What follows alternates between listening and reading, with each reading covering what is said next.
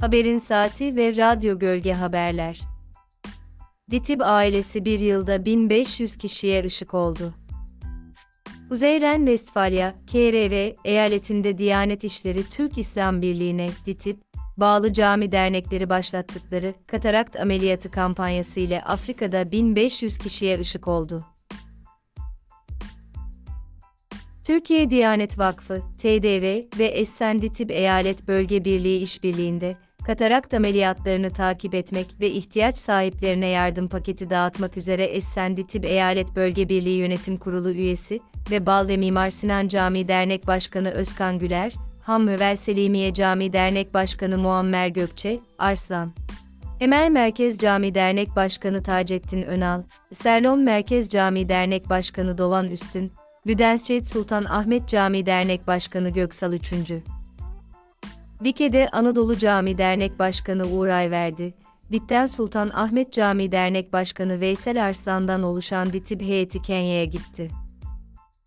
Hayırseverlerin destekleriyle görme problemi yaşayan ihtiyaç sahiplerine katarakt ameliyatı yaptırmak üzere Kenya'da bulunduklarını belirten Essen Ditib Eyalet Bölge Birliği Yönetim Kurulu üyesi Özkan Güler, toplamda 500 kişiye ışık olacaklarını ifade etti.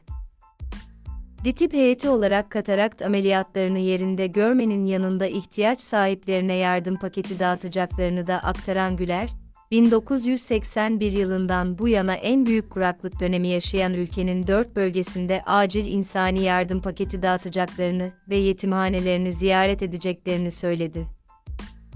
Bir yılda 1500 kişiye ışık olduk. Güler, bizler dünyayı değiştiremeyiz ama hepimizin en ufak iyilikleriyle dünya güzelleşir. Yokluk içerisinde insanlara umut olmak çok güzel bir duygu.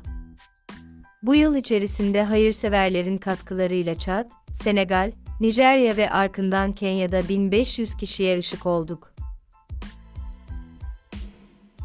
Bu iyilik hareketini destekleyen hayırseverlere, Ditiba ailesine ve Türkiye Diyanet Vakfı'na teşekkür ediyor, hayırlarının kabulünü Cenab-ı Hak'tan niyaz ediyoruz.